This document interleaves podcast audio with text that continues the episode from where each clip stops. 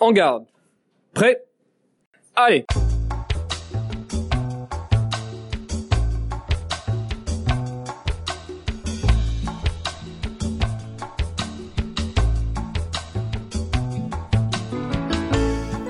Hjärtligt välkommen till Fäktpodcasten bakom masken på Peter Barvestad. Tackar, tackar. Jätteglad att ha dig som gäst i min podcast. Peter, du är en man som jag tycker har byggt och format nästan hela sitt liv runt fäktning. Du är en, en stor fäktentusiast egentligen i allt du gör. Er, håller du med om det? Ja, fäktningen har väl kanske tagit en väldigt stor del av, av livet det har det och eh, också satt sina märken på livet utanför så att säga. Mm. Hur kom det sig att det blev just fäktning? För att lite grann så... Jag skulle nästan vilja, du är nästan en levnadskonstnär när det gäller att utforma tillvaron för att passa med fäktningen. Hade det kunnat bli vad som helst eller är det någonting speciellt som har gjort att det blev just fäktning? Alltså när man, man har ju, får ju öppna ögon när man tittar tillbaka lite grann och man kan ju säga att eh, min pappa var väldigt idrottsintresserad och försökte tvinga ner mig på alla möjliga sporter och varje sport som jag började med var jag tvungen att, att köra terminen ut. Men ingen av dem passade. Eh, så att mina föräldrar sa ju att första gången jag fick välja själv, mm. då blev jag kvar. Mm. Så det, det var så att skolan gjorde ett studiebesök med hela klassen och vi fick prova fäktning på FFF. Och, eh, vi var tre klasskamrater som fastnade för det hela. Vi gick i sjunde klass och, och ja, så, så blev det. Ja, på FFF på Banergatan då? Ja. ja. Så med gamle Rudolf Meckel som var... Ja, det var väl inte han som hade träning för de yngsta men han var ju han som var ansvarig för all mm. träning på klubben. Mm. Så där blev du i, under högstadieåren? Ja, där kan man säga att det som hände var ju att vi blev en väldigt, väldigt bra grupp med unga killar. Eh, mm. Vi tre klasskamrater höll på ett tag tillsammans. Eh, och sen så hade vi två väldigt bra ungdomsledare. Mm. Jean Fredrik Axelsson och eh, Johan Åkerman. Eh, mm. Eh, som eh, ja, gjorde allt vad, vad Meckel sa då. Mm. Och sen eh, fick ju man flytta ner till honom efter ett tag. Men i grunderna fick man ju hos, hos de här två ungdomsledarna. Mm, just det, flytta ner sig. Det här var ju en, en lokal som var i tre stycken plan i byggnaden. Ja, det var ett gammalt fallskärmspackeri. Ja. Så, att, så att det var tre, tre pister kan man säga. Tre enkelpister, full, fullpister. Tre stycken långsmala lokaler med en smal trappa emellan som gick upp ja. våning för våning. Och, och, franska fönster faktiskt på eh, den mellanvåningen ja, till en gård. Ja. Och sen var, hade gården då takfönster som var fönster till nedervåningen. Ja, lite växthuskänsla där i, i de övre planen, hör för mig. Ja, den översta var lite sådär under, under takåsarna i Paris, för det var ju lite en takvåning då ja. med snedtak. Mm. Men, eh, men ofta var det ju uppdelat då, så att damerna kanske körde på övervåningen eller damfloretten då och, och sen var det kanske ungdomsverksamhet på mellan och sen hade Meckel sin eh, lektionering på nedersta våningen och, och de, de, som var färdiga fäktare. Ja, just det. Eh, men tävlade du någonting under de här åren på FFF eller fanns det tävlingar för? Ja, ja det gjorde det. Jag eh, vill inte säga att det var mycket tävlingar. Mm. Men, men om man nu tittar på sin medaljsamling så är ju den av de roligaste att pilla på. Det är ju den första jag fick. Mm. Så att vi var väl en 10-12 grabbar i den här gruppen och jag lyckades komma fyra i den första tävlingen som vi hade bara i gruppen. Och den mm. medaljen har ju alltid känts lite speciell. Mm. Ja, jag kommer också ihåg min första medalj faktiskt. Ett skol-DM. Du var fem deltagare. Första gången i Oxhovshallen. Jag lyckades vinna mina de där fyra matcherna och fick en medalj. Mm. Du, eh, men du var inte kvar på FFF utan familjen flyttade eller var det bara du som flyttade? Nej, det var ju så att, att eh, jag var väl inte den kanske den piggaste killen i skolan på att plugga. Eh, jag tyckte helt enkelt det var, det var liksom inte för mig det där med skolan. Så att när jag började gymnasiet så hade jag redan ansökt om att komma in till marinen. Mm. Och då skulle man eh, utsättas för en prövningsperiod på två veckor och då skulle man åka ner till Karlskrona så jag fick besked en månad efter att jag började på Kungsholmens gymnasium. fick jag reda på att jag hade blivit antagen till prövning. Och lurade min mamma och pappa att skriva på att det var ju bara två veckor. Men det blev tolv år. Så att eh, det blev, det blev Karlskrona då som, ja. som eh, ja, ny. Jag var precis fyllt 16 år när jag flyttade. Mm. Jaha, så du, du blev inte något gymnasium utan du gick in vid Ja, och sen så fick jag gymnasiet i försvarets tjänst kan ja. man säga. Så för Försvarets läroverk i Uppsala blev det ju ett par år. Ja, okay. Eller ja, det hette ju Försvarets gymnasieskola då. Hade du med dig fäktningen då, de här olika åren? Alltså, Fäktningen, det, det, måste jag ju säga, det är en av de stora grejerna, att man kan ta med sin bag var man än hamnar i mm. världen. Mm. Och det gjorde jag ju inte direkt där nere, men ganska snart så upptäckte man ju att det var ju fritid och man hade ju möjlighet på kvällarna. Så jag dök upp på fäktklubben där och, och, och, blev mycket väl mottagen utav Malte Svensson och mm. Gulli där nere.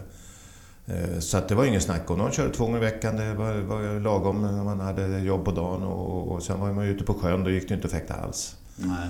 Eh, men när man kom tillbaka till Karlskrona så, så dök man upp där nere och då fäktade jag fäktade ju bara florett då. Ja, just det. Och på sjön säger du, var du ute på några, var det vad gör man på då? Kustkorvetter? Alltså, eller är det några längre resor också som du har gjort till, till sjöss? Alltså när man sökte in så sökte man ju in till en yrkeskategori. Mm. Eh, och, och, när man är 16 år då är man ju inte riktigt säker på vad man vill göra i försvarets tjänst. Liksom. Men jag hade bestämt mig för att jag skulle banne mig bli kock. Mm. Eh, det kände jag liksom att det kunde man ha nytta av på andra ställen i världen också. Det var, då visade det sig att då hade de ingen intagning på kock. De hade tre intagningar om året och just den var det ingen kockintagning. Mm. Och då var jag ju tvungen att hitta någonting annat så jag blev minör av alla ja, det, så är det. Kan man inte bli kock blir man minör. Ja. Så det är många som har gått den så att, så att, Och då blev det minsvepare. Det var ett ganska trevligt val men man har ju inte så mycket nytta av det i det civila så att säga. Nej. Så att, så att, men då, då innebär det att man antingen sveper miner eller, eller lägger miner. Så att, uh, lite minsveppartjänst och så blev det en lång resa med minläggare, Älvsnabben. Okej, okay. var var ni då? då? Ja, Europa, norra Afrika, Sydamerika, eh, Västindien och Nordamerika. Mm. Och var det häftigt? Det, var ju, det borde man gjort fler gånger. Ja, just mm. ja. Och, Men som sagt, tillbaka till, till fäktningen. Eh, du fäktar mycket florett, men du, du, jag kommer ihåg att du, du var lite grann så här, en sån som dök upp lite då och då, jag har en känsla av. Eh, inte, det var inte en sån här stenhård satsning alltid från din sida de här första åren, utan du gick lite grann i bakgrunden fäktmässigt. Alltså jag fattade ju aldrig riktigt hur bra jag var faktiskt. Det var ingen som berättade för mig. Nej. Eh, och sen eh, Sen är det ju så att går du ut på sjötjänstgöring så är det ju liksom det som gäller. Mm. Eh, då lägger man allt på hyllan. Mm. Eh, så det vart aldrig några junior-VM och sådana där grejer? Nej, jag, jag, vet inte ens att jag var med på junior-SM faktiskt. Nej. Och jag vet att efteråt så har jag ju hört eh, Benny Berg och grabbarna har ju liksom snackat om att en av de så hotfulla för att ta JSM då när vi var 20 ja, år. Ja. Det skulle ju varit jag då, men då var jag ute på Älvsnabben på mm. långresa. Mm. Eh, så att jag, jag fattade liksom aldrig det där Nej. riktigt. Och okay. sen var man ju utifrån Karlskrona-landet och så ja. man hade ju inte kontakt med verkligheten på samma sätt. Ja. När var det som du återkom så att säga och började verkligen satsa för landslaget? Runt 80? 79 mm. eh, var det ju en uttagningscirkus som mm. vi eh, bestämde oss tillsammans på FFF att vi var några stycken, då, Greger bland annat, som mm. skulle försöka satsa på. Och Johan drev ju det här, så att, mm. så att eh, han pushade oss och, och, då hade man någon som pushade plötsligt. Mm. Eh, så då, då fightades vi om poängen och det var ett par Umeå-gossar med om det där. Och, mm. och, ja, det, var, det var ett ganska stort, trevligt gäng som, som fightades om de här platserna. Ja. Och då vet jag att jag och Åke Landfors hamnade på samma poäng mm. efter uttagningssystemet var slut. Eh, Kalle von Essen eh, skulle plocka ut en av oss, för det hade han sagt. Alltså, antalsmässigt så skulle en av oss bli uttagna. Mm. Men då tyckte han att vi hade gjort så bra resultat båda två så att vi fick bli uttagna båda två. Till VM i Melbourne? Nej, som i den här landslagstruppen, landslagstruppen kan man säga. Ja. Och då, och då eh, eh, var det så att de skulle plocka ut ett landslag eh, till Melbourne och så skulle de plocka ut ett universiadenlag. Mm. Och någon skulle vara med i båda då. Alla hade ju liksom inte pluggstatus då. Eh, och då blev jag uttagen till universiaden och några av konkurrenterna hamnade då i Australien. Mm. Roffe, Hasse och Johan körde väl ja, de plus mm. Fiji emellan. Ja. ja det var lite oklart läge där precis kring 79 vilka som skulle... Eh, Göran Flodström och Leif Högström skulle lägga av. Ja. Kalle von Essen hade lagt av redan efter, eh, efter 77 va? När Johan hade vunnit. Tror jag Kalle inte var med längre i laget. Han var lagkapten 78. Ja. Och sen så 79 var det lite grann så här anhämtning och sen inför satsningen mot på 80 då, då och OS i Moskva. Så det var lite oklart läge där, mycket. Ja, och vi hade någonting som benämndes lite grann B-laget eller B-landslaget där vet jag, på träningsläger och så som var bjudna innan. Men sen var du med flera år, men du var inte med på OS Moskva. 80, 80 plog- tog man ju ut... Eh, Järpe och jag var väl egentligen bättre på Ja. poäng men man tog ut eh, för fullt rätt de som hade mer rutin. Mm. Eh, det visade de ju sen också att så var det ju. Va? Så att de blev uttagna och det var ingen som knorrade för det för det, var ju, det kändes ju bara rätt. Va? Man var ny och färsk.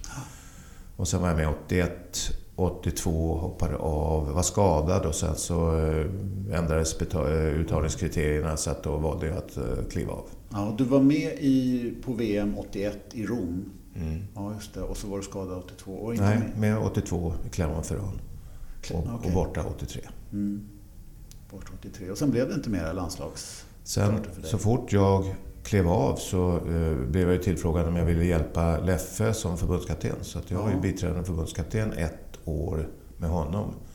Och sen var ju GH-utbildningen klar Mm. och så kom det ett erbjudande för Göteborg att bli tränare och sen bara ramlade Men under de här åren, som i början på 80-talet där när du ändå satsade, då var du idrottsofficer ute på eh, Näsby Park på försvarets, eller marinens, marinens högskola som låg i Näsby Ja, Park. sjö, sjö, Sjökrigsskolan. Sjökrigsskolan, just det.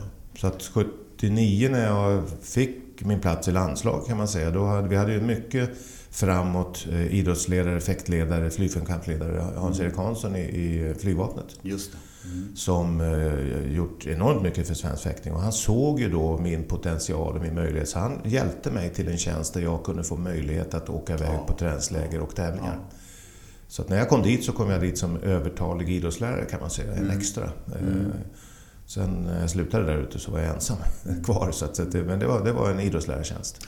Men vilken fantastisk anläggning det var. Vi var ju på, jag var med på många träningsläger där också. Ja. Och jag vet att på, tidigare på 60-talet så hade man ju mycket faktiskt tävlingar. Också Ja. SM ute i den här stora gymnastikhallen på Vi hade ju. SM Vi kan ha haft det. Direkteliminationen inför SM i Bärvall, nej, i, på Kulturhuset. Jaha, hade vi- 83 ja. hade vi. Då var du, arrangerade du SM 83 och körde final inne på Kulturhuset.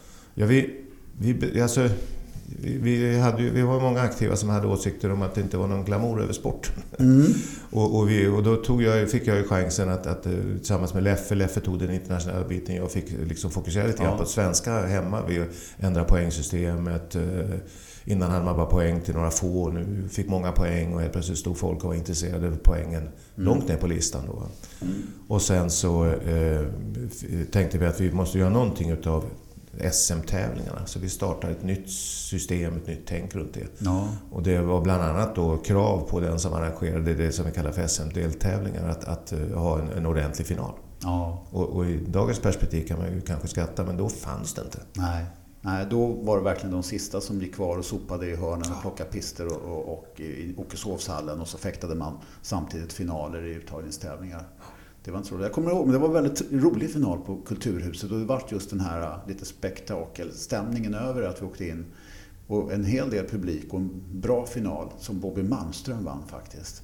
Ja, det är möjligt. ja. Mm. Bobby vann den finalen. Eh, Sensationellt. Vi hade damflöjten också då i finalen. Och sen körde vi delfinal hade vi ju i eh, Berwaldhallen en. eh, På Berns salonger hade vi en. Just det. Och sen hade SAF i eh, Trygg på ja. Och sen eh, året efter fick Göteborg det och då hade vi det på restaurang Valand på Avenyn. Just det, ja. Med Loket som konferencier. Jaha. Men just den här Bernsfinalen, den minns jag för den var jag med i själv och fäktade. Då fäktade vi uppe på ett upphöjt podium och folk satt på kaféborden i stora, stora salongen där under de här guld. Och drack nubbe och åt Precis. Ja. precis. Och sen så böt vi om i de här artistlogerna innanför. Där det var kort och autografer från Josefin Baker och Frank Sinatra och såna här som hade skrivit sitt namn på väggarna där inne. Där böt vi om och så gick vi ut och fäktade final. Ja, den, den ställningen kan jag säga, den vägde bly.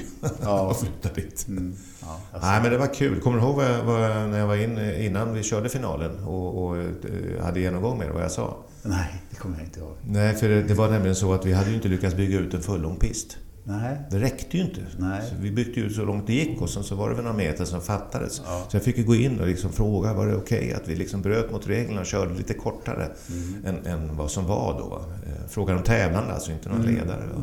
Och unisont svarade jag, ja, ja, ja, ja. Det var innan vi fick FIE-protokollet med allting skulle vara korrekt. Och Pierre Tullberg var Ja. där och läste regelboken. ja. Ja, det var jätteskoj faktiskt. Ja, det var kul. Det var jättekul. Men som sagt, Sjökrigsskolan, där var det ju ett fantastisk anläggning där vi var på också på mycket träningsläger med stor fin idrottsplats där vi gjorde Cooper-tester, stor fin idrottshall där vi riggade upp för fäktning och sen så med dig som idrottsofficer så fick vi också låna segelbåtar som Ja. vi var ute på. Segla Monark 606 på fjärden där, Stora Värtan. Det var, tänk om man hade sådana träningslägeranläggningar. ja. Och så nära stan också. Ja, ja. Mm. ja det, det var fint. Men ehm, som sagt, du, eh, du slutade som idrottsofficer på Sjökrickan och gick gymnastiklärarutbildning. Ja, försvaret hade ju faktiskt eh, fria platser på GH eh, många år. Eh, Mm. Ända sedan världskriget. Men marinen utnyttjade aldrig sin. Nej. För de trodde att de skulle smita ut i det civila om de fick utbildningen. Eh, Så jag tog tjänstledigt. Mm. Och så gick jag utbildningen på eget bevåg så att säga med tjänstledighet. Och sen gick jag tillbaka till marinen och sa att nu har jag utbildningen och vad vill placera mig i tjänst någonstans? Mm. Eh, Och det här var ju då 1985 och jag har fortfarande inte fått svar. Nej. Så så intresserad var man. Ja. Och då, då, men då hade jag ju ett bra erbjudande från Göteborgs fäktklubb. Ja. Så det var ju ingen, jag ville ju bara ändå ge dem chansen att liksom få förstå att, att någon ville gå GH och vara kvar i marinen. Så då tog du på dig det eh, stora uppdraget att faktiskt bli fäkttränare, fäktmästare i Göteborgs fäktklubb. Som var en stor klubb och en viktig klubb på, på många sätt. På, framförallt på Värja i, i Sverige vid den tiden. Efter Elof Gustafsson. Efter Elof Gustafsson som ju var en ikonisk, legendarisk eh, fäkttränare får man säga i Göteborg. Eh, Men var det en, en heltidstjänst då i Göteborg? Eller kombinerade Nej. det med en gymnastiklärartjänst? Eller hur? De, de hade ju inte pengar till en heltid så att eh, Nej. det skulle motsvara en halvtid. Mm. Eh, Och sen blev jag idrottslärare. Började som halvtid idrottslärare som sen växte till heltid. Ja. Hur många år var du där i Göteborg? Fem år. Ja, så länge. Mm. Ja. Och då hade du ändå... Vilka Göteborgsfäktare var det? Jag vet, Johan Bergdahl kom väl till Göteborg? Ja, precis. Det var ju mm, lite, lite fäktare som, som var var, brytnings, kvar. brytningstid också. Ja. Det var många som försvann utav det gamla. Peter Gustafsson och Örjan Stolt var unga killar som man skulle försöka få gå vidare då upp i landslagssammanhang men de gick in i yrkeskarriär istället och Mm. försökte lite grann. Mm. Ehm, Men eh, det var ju även florett, särskilt på ungdomssidan var det ju florettfäktare. Så Mm. det, jag, har ju, jag har ju någon liten rolig bild där hemma med eh, nuvarande tränare som springer på golvet där som ganska liten kille. Mhm. Martin Roth Ja, Kronwall. ja. Ja. okej. Så hela fem år var du faktiskt i Göteborg. Trivdes du i Göteborg som stad? Ja, ja, det kan man nog säga. Ja. Eh, Nu bodde vi precis utanför, men, men eh, eftersom man är 08 från början så var det ju i det mindre formatet. Ja. Jag brukar säga att i Stockholm eh, där står köerna still, men i Göteborg rörde sig alltid köerna. Liksom det Okej. snäppet, snäppet lite bättre sådär. Mm. Mm. Nej, det var en trevlig stad. Sen bodde vi så nära så att jag hade cykelavstånd in till Ja. stan. För du och din fru Charlotte, som ju också har en bakgrund inom fäktningen. Ni, hur var det då? Rickard, din äldste son, var han född? Föddes han under Göteborgsåren? Han föddes 83 så det var ju precis när jag slutade som aktiv kan man säga. Så Ja. jag började på GH. Mm. Och sen föddes ju Kinka, som inte föddes som Kinka, men eh, Katarina då där i Göteborg precis eh, när vi samma veva flyttade dit kan man säga. Mm. Så hon är göteborgska och han är eh, Täby. Eller. Ja, ja. Du, ehm, efter Göteborg, då blev det till slut Kalmar. Ja, då var det ju så här att, att min fru är ju från Kalmar så att hon eh, för första gången fick bestämma var vi skulle flytta. Mm. Så när vi var på semester eh, ute och åkte någonstans i södra Sverige så hade hon kastat in en ansökan till sin gamla skola där hon själv hade gått. Mm. Och trodde ju inte att hon skulle få det, men då fick hon det. Så att det blev ganska snabbt flytt. Eh, Så att hon, hon flyttade efter det sommarlovet och jag eh, flyttade ett halvår senare och låg och pendlade varje helg. Flyttade. Vi körde flyttlass varje helg kan man mm. Så att eh, då, då blev det Kalmar. Mm. Och hur, hur blev det med Kalmar fäktklubb då? När kom du in i den? Direkt. direkt faktiskt. Då gick ju, Andrei Kanikovsky hade gått där i många herrans år men, mm. men eh, Värjan kan man ju säga hade en ganska blygsam plats. Ja. Så han fokuserade ju på floretten. Eh, och då fanns det utrymme för mig direkt att liksom börja plocka med Värjan. Mm. Sen var det ju så att, att i Göteborg så hade vi ju en fantastiskt duktig femkampsledare som hette Laszlo Kovacs.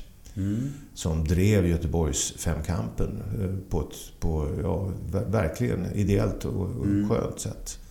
Så att redan första året när vi i Kalmar så, så vid något föräldrasamtal så satt en liten flicka framför mig och, och sa att hon, eh, eller hennes mamma klagade på att hon hade så himla mycket att göra. Hon, hon sysslade med den och den och den och den idrotten och hon spelade piano och sådär.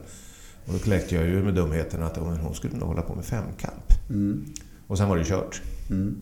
Sen råkade ju det falla ihop med att, att på simklubben hade man eh, inte bra fokus på tjejgruppen så de kände sig lite sidsteppade. Ja. Så vi fick ett helt tjejgäng från simningen som började femkampa och, och, och hade en klubb på en gång. Ja. Eh, och vi flyttade alltså dit 90. Eh, 90 och 90, vi startade klubben och 96 arrangerade vi junior-VM i femkamp. Jaha, okej. Okay. Vad kul. Eh, men, och sen var du engagerad inom femkampen också väldigt mycket på nationell nivå som, som tränare och ledare. Ja, den, det är ju om möjligt en ännu mindre familj. Ja. Och tajtare. Så, mm. att, så att där blir man ju väldigt tajt. Eh, och det blir ju inte... Klubbskillnaden blir ju inte alls lika tydlig. Nej, Nej de är mer precis en familj. Mm. Det intrycket jag får också. Och det, lärde du dig det här med ridning och sådana saker? Ja, det, det det vet jag inte. Frågan om andra egentligen. Men man måste ju lära sig någonting i alla fall för att kunna hålla på. Men det gäller ju att hitta, hitta folk som är duktiga på det, det, de områdena. Ja. Så att sen får man ju fuska in på alla områden. Men, men man får ju känna sina begränsningar också. Mm.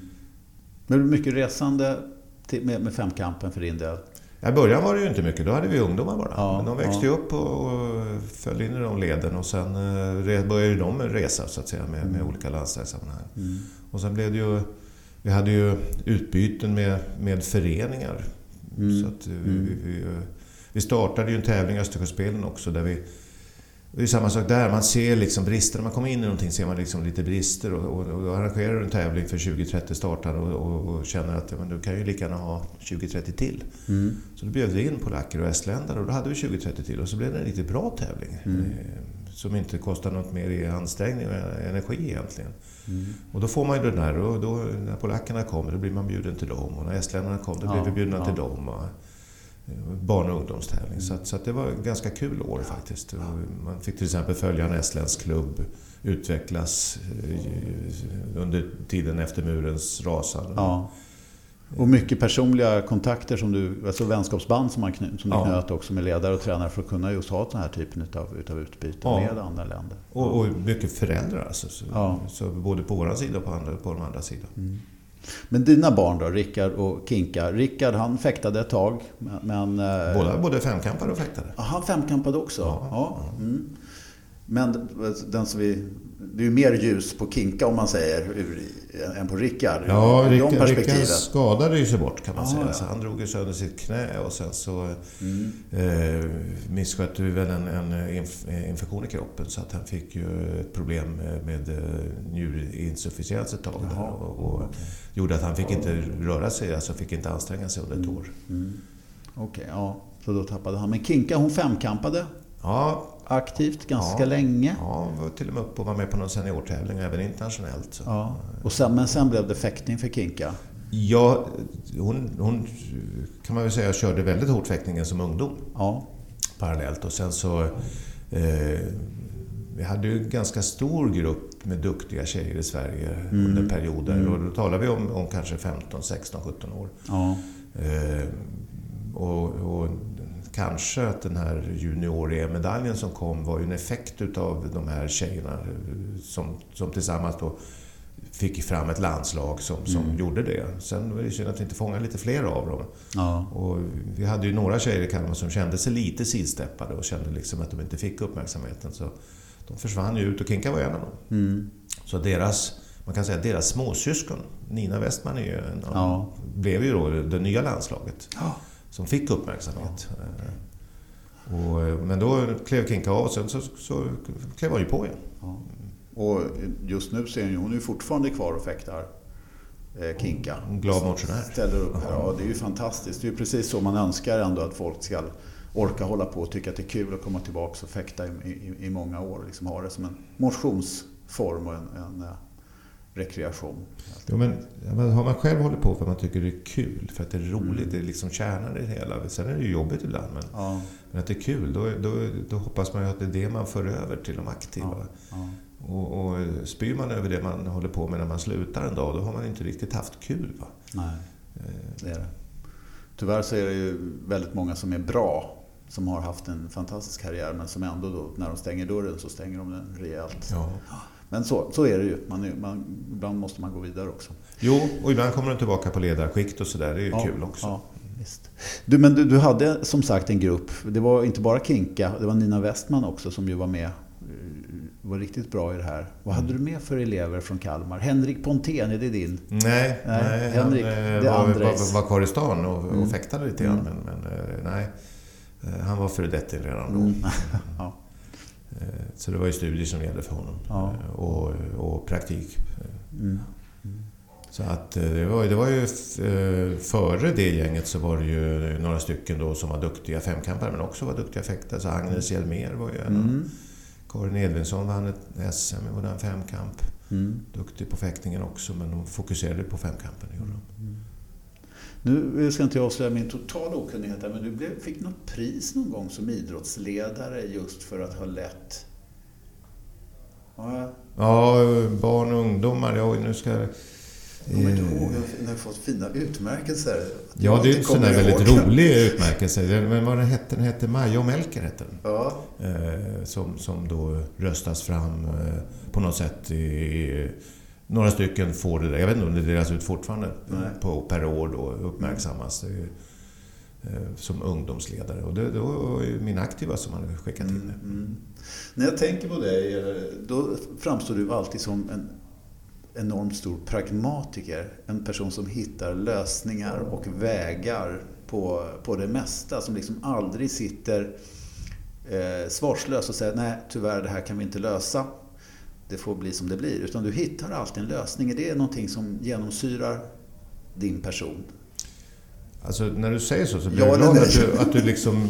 ja, jag, för, för jag, jag, vill nog vara det ja. faktiskt. Och sen så tycker jag nog att jag försöker vara positiv också så att jag har det utgångsläget. Och, och när man kommer till Kalmar så är det ju lite sådär, där, där finns det ju en, en aura över stan att det går inte, det, det går ja. inte. Va? Mm. Eh, men det kan jag liksom inte med det där, utan det är klart det går. Va? Så. Ja.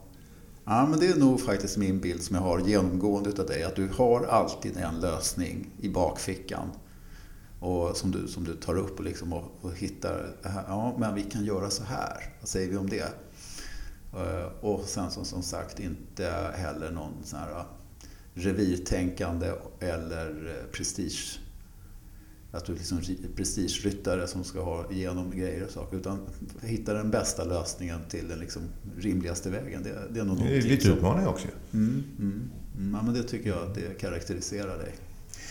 Eh, Peter, jag vill komma tillbaka lite grann till din egen fäktkarriär. För där på FFF, du säger att Johan drog igång och så var du och han och Greger som slet och naturligtvis Johan som, som drev på. Men ni hade ett väldigt bra lag på FFF de där åren. Jag vet mm. inte hur många år i lag, rad som ni vann lag-SM. vi vann sex år mm. på Verga och ett år på Frätt i samma öar. Ja. Jag var med och fick bita i gräset i finalerna där ett antal gånger. För att det, var, det, var, det var ni tre och sen så var det väl... Ja, sen var det olika som hoppade in där. Olika killar. Ja, så det, i början var det ju Patrik Reuterswärd och, och Sigge Såback. Ja. Och sen vi har räknat ut, vi har, vi har haft en reunion faktiskt. Mm. Vi var tio olika som var med i de där sammanhangen. Mm. Eh, så det, det, fanns, det fanns många bra att ta av. Mm. Det, det, var det verkligen. Jag hade jättebra fäktning. Mm. Just det. Men fäktade du med Kajsa Netski då på FFF också en del? Eller? Hann uppleva honom en kort stund. Kort bara? Ja. Mm. Om du tittar själv som sagt, vad, vad höjdpunkterna i din karriär som, som fäktare själv, vad vill du lyfta fram där? Vad är de största framgångarna? Alltså, om, om jag tänker på min, min fäktkarriär så tänker jag genast på när mina aktiva gör resultat. För det är ju mycket roligare och mm. mycket mm. pirrigare. Mm när man har dem på pisten. Så, så jag vet inte. eh, jag är ju stolt över mina SM-guld. Mm. Det är jag ju. Men Mm. jag är ju ännu stoltare över att min dotter har tagit fler. Mm. Ja, Så att det är roligt. Det är många, roligare hur, många, hur många, har du tagit individuella SM? Ja, ja. Det har du ja. Vann du i Göteborg på Valand den finalen som gick där? Nu, jag är inte bra på sådana här minnesbilder, men, men, men nej, jag, jag, jag vågar inte säga det. Jag, jag vet att jag vann för Göteborg en gång. Mm. Ja, Men om det var den, det kommer jag inte ihåg. nej okej. För det arrangerar jag. Det känns Det får, vi, det får vi titta upp på hemsidan sen, så får vi gå in och läsa där ordentligt Ja. så vi kan ge korrekt information på den punkten. Ja, eh, och om du tittar på dina aktiva eller de, de eh, ungdomar och andra adepter, inte bara dina adepter utan jag tänker landslagssammanhang rent allmänt, som du har varit med, närvarande som ledare på. Vad, vad är det som står ut där särskilt? Alltså jag, jag, jag blir ju väldigt glad när de, när de eh, överpresterar, ungdomarna, och går långt i tävlingarna. Eh, Men, men eh, jag vill inte säga att det är någon enstaka, va? men, men det, är, det är väldigt kul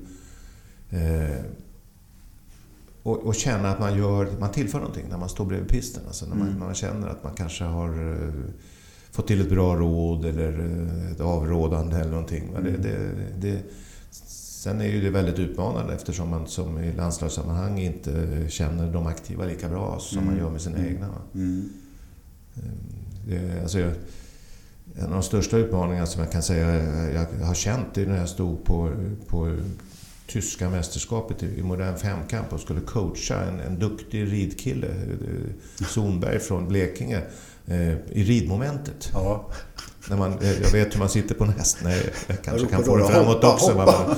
Men, men, liksom att bara hålla käften över det man inte ska säga Mm. någonting om. Ja. Och verkligen bara ta sånt som kanske har med mentalt och lite sådana Ja. saker. Och så ändå då eh, på något sätt förmedla eh, någon, någon styrka ändå. För, för man får inte visa att man liksom, det här är mitt svaga moment. Mm. Mm. Så det, det, och han vann tävlingen så det var ju... Mm. Som sagt, du, du har också varit eh, förbundskapten på Värja under några år här Mm. på senare år. Eh, också där tycker jag genomsyrades väldigt mycket att du fick igång igen träningslägerverksamhet på försvarets anläggningar och liksom drev det att vi skulle ha rejäla träningslägerprogram där vi faktiskt kallade fäktarna till träningsläger. Eh, och liksom återinförde egentligen den, eh, den rutinen från förr under dina år här som, som förbundskapten. Ja, det var lite vakuum innan så det var... Ja, och det var ju ett, det var ett stort tomrum verkligen på träningsläger där vi inte hade någon, någon riktig sån styrning. Men det, det som jag inte vill, vill, som jag också vill hinna med, det är ju naturligtvis fråga om din privata samling utav fäktmemorabilia, eller vad man ska kalla det. Va? Du, du samlar på fäktpryttlar. Ja, i alla fall. Jag, jag, jag vet inte varför det blev så, men det som har eh, historisk koppling till sporten fäktning. Ja. Är det bara du och jag som samlar på sånt här tror du? Nej, det, Det tror jag inte. Men, men, men jag har begränsat mig till, till Norden. Och Ja. det gör ju det hela lite mindre. Annars så blir det ju så ofantligt stort. Mm, mm. Eh, Men som sagt, du, eh, familjen, men i alla fall du och Charlotte har ju flyttat från Kalmar och bor numera på Öland. Mm. Mm. Och det ryktas om att du har en sån här, litet nästan museum med fäkt. Ska det bli ett museum? Nej, det tror jag inte. Det, det är ju för mig själv, men den som liksom vill komma och titta är ju välkommen förbi. Men jag vill inte liksom göra någon stor grej av det. Det var ju även så att tidningarna hörde av sig någon gång, men då står det ju även de med lite långa fingrar och knackar på en dag, så att det är ju ingenting man vill sprida på något sätt. Va? Nej. Och nu gör du det ändå här i, i podcasten. Ja, hoppas men- att den inte får någon genomslag. Ja, kan väl säga att det är något annat underlag kanske. Men vad, tycker du, vad är det för grejer som du tycker är kul då? Det är egentligen allt som har med fäktning att göra, allt gammalt. Ja, både prylar och, och böcker. Och jag tycker nog att det, det är ganska häftigt allting. Men, men det ska liksom känna... Alltså, vi har ju världens äldsta moderna sport. Eh, Mm. Det är ju få som kan hitta utrustning som går kopplat till sport så långt tillbaka som vi kan göra. Mm. Vi har Sveriges äldsta idrottsbok och jag menar, det är långt före vad någon annan har haft. Mm. Och, och då, eh, då blir det ett annat perspektiv. Sen är det svårt att dra gränsen var sporten går, men, men om man inte dödar varandra med grejerna så eh, kan man väl säga att det är någon form av sport i alla fall. Mm. Mm. Så på så sätt så, och, och sen är det ju ofta militärt, men det finns ju så många grenar där också, eller förgreningar. Ja, det skulle vara kul med ett eh, fäktmuseum i i Borgholm eller? Nej, Färjestaden är det du bor i. Ja, ja kommunen är ju Mörbylånga. Mm. Men eh, det är nog mindre by än så. Mm, okay. Nej, men vad, vad som skulle vi ha pratat om det här nu på ett SM, att vi skulle kanske, man skulle kunna visa upp det vid något sådant tillfälle. Mm. Men det gäller ju att kunna få, få ordning på det på ett bra sätt. Ja, det är inte lätt att flytta massa grejer. Men i övrigt så driver du ju en effektbutik. Ja. Som du har haft nu i åtminstone 20 år, va? som du har kört, Torché. Ja, ja jag tog över efter Göran Malkar. Ja, han hade butik. Han hade ju den som heter Nibbla Sport på ja. Eh, SAFs lokaler som de precis har flyttat ifrån. Ja, precis. Han hade butik där. Importerade en skomodell, en Rucanor-sko mm. som var... Orange. Som alla hade där ett tag, för mig, de där skorna. Mm. Ja, det stämmer. Och tillverkade även en, en effektapparat som många klubbar hade. Ja, just det. Som de lät bygga ja. någonstans. Men då, du har kört Touché eh, länge och ja. har med dig, dyker upp på tävlingar med en välutrustad butik som inte bara har fäktgrejer utan där man också beställer och kan hämta ut och du finns på nätet. Ja. Det, det, när, jag, när vi, många år så har det inte funnits någon konkurrens så att säga. Utan snarare har det varit ett sätt att hjälpa fäktmästarna hemma ja. att inte behöva bara göra det här. Mm. Och nu har fäktningen vuxit så nu är det ju, det, det behövs ju en firma i Stockholm, det är inget ja. snack om den saken. Ja. Och du ligger lite en framkant också vad det gäller att utvärdera material och nya nya typer utav, utav dräkter och klingor och sånt där som du liksom kollar och liksom tittar vad det håller för kvalitet på så att du kan ge ett råd kring, kring Ja, sen är det kul när någon producerar något nytt. Ja. När det kommer nya firmor. Alltså, Faveros till exempel, det är ju fantastiskt kul ja. för, för ja. alla oss fäktare. Mm. Jättefina de apparaterna tänker du på, som med lampor som man kan sätta i båda ändar utav pisten. Och som... Ja, alla tävlingar har ju den varianten idag. Och, och pisterna ska vi tala om, plastpister. Vi som har gått och konkat de där metallbästarna. Metallpisterna.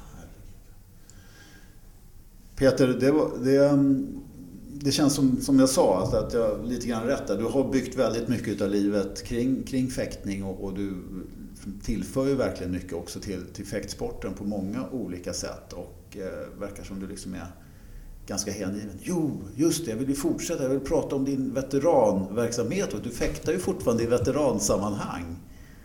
Man måste belöna sig själv när man, när man tränar lite grann. Alltså det... ja. Och nu senast förra året på veteran-EM i Kavari så kom du trea. Ja. Är den bästa positionen? Nej. Nej då, jag har, vi, har, vi har ju plockat lag några gånger. Mm. Eh, vilket som vanligt är jättekul i lag, det är fantastiskt kul. Mm. Och sen eh, har det blivit eh, en, ett individuellt EM-guld och två VM-guld. Mm. Mm. Kul. Där, och du, men du tränar du någonting för det här eller är det bara att åka ner och fäkta de här tävlingarna? Min träning sker när jag ger lektioner. Ja. Jag har svårt att ge lektioner utan att själv anstränga mig. Så att. Ja. Jag, jag, är inte den där som står still utan jag rör mig så att, så att jag får min mesta träning där. Så det är fusk att säga att jag inte tränar men, men det är väldigt lite egen fäktning. Okay. Ja. ja. kul. Och du, men det tänker du fortsätta med många år? Det räknar jag med. Vilken klass är du i nu? På det här veteran? Gran veteran heter den. Okej, okay. och det var mellan 60 och 70? Ja. ja. Hur, hur många år har det tills du blir junior nästa gång då? I 70-årsklassen? Ja, nu håller de ju på enda klasserna så att nu har de ju hittat på en ny klass där uppe. Och, och, men den blev ju ihopbakad på något sätt med, med Jaha ja, de, tyckte, de tyckte att det vore ju hemskt med lockar fäktare att komma så de är så gamla så de dör på pisten. Mm -hmm. Men det är väl, de dör väl ändå. Så det... Ja, någon förr eller senare ska vi alla den vägen. Ja, roligt. Um, Peter, hjärtligt tack för att du ville ställa upp i min podcast. Jag uh, tror nog många kommer tycka det är jävligt skoj att höra lite grann mer om dig. Mm. Tack själv. Tack.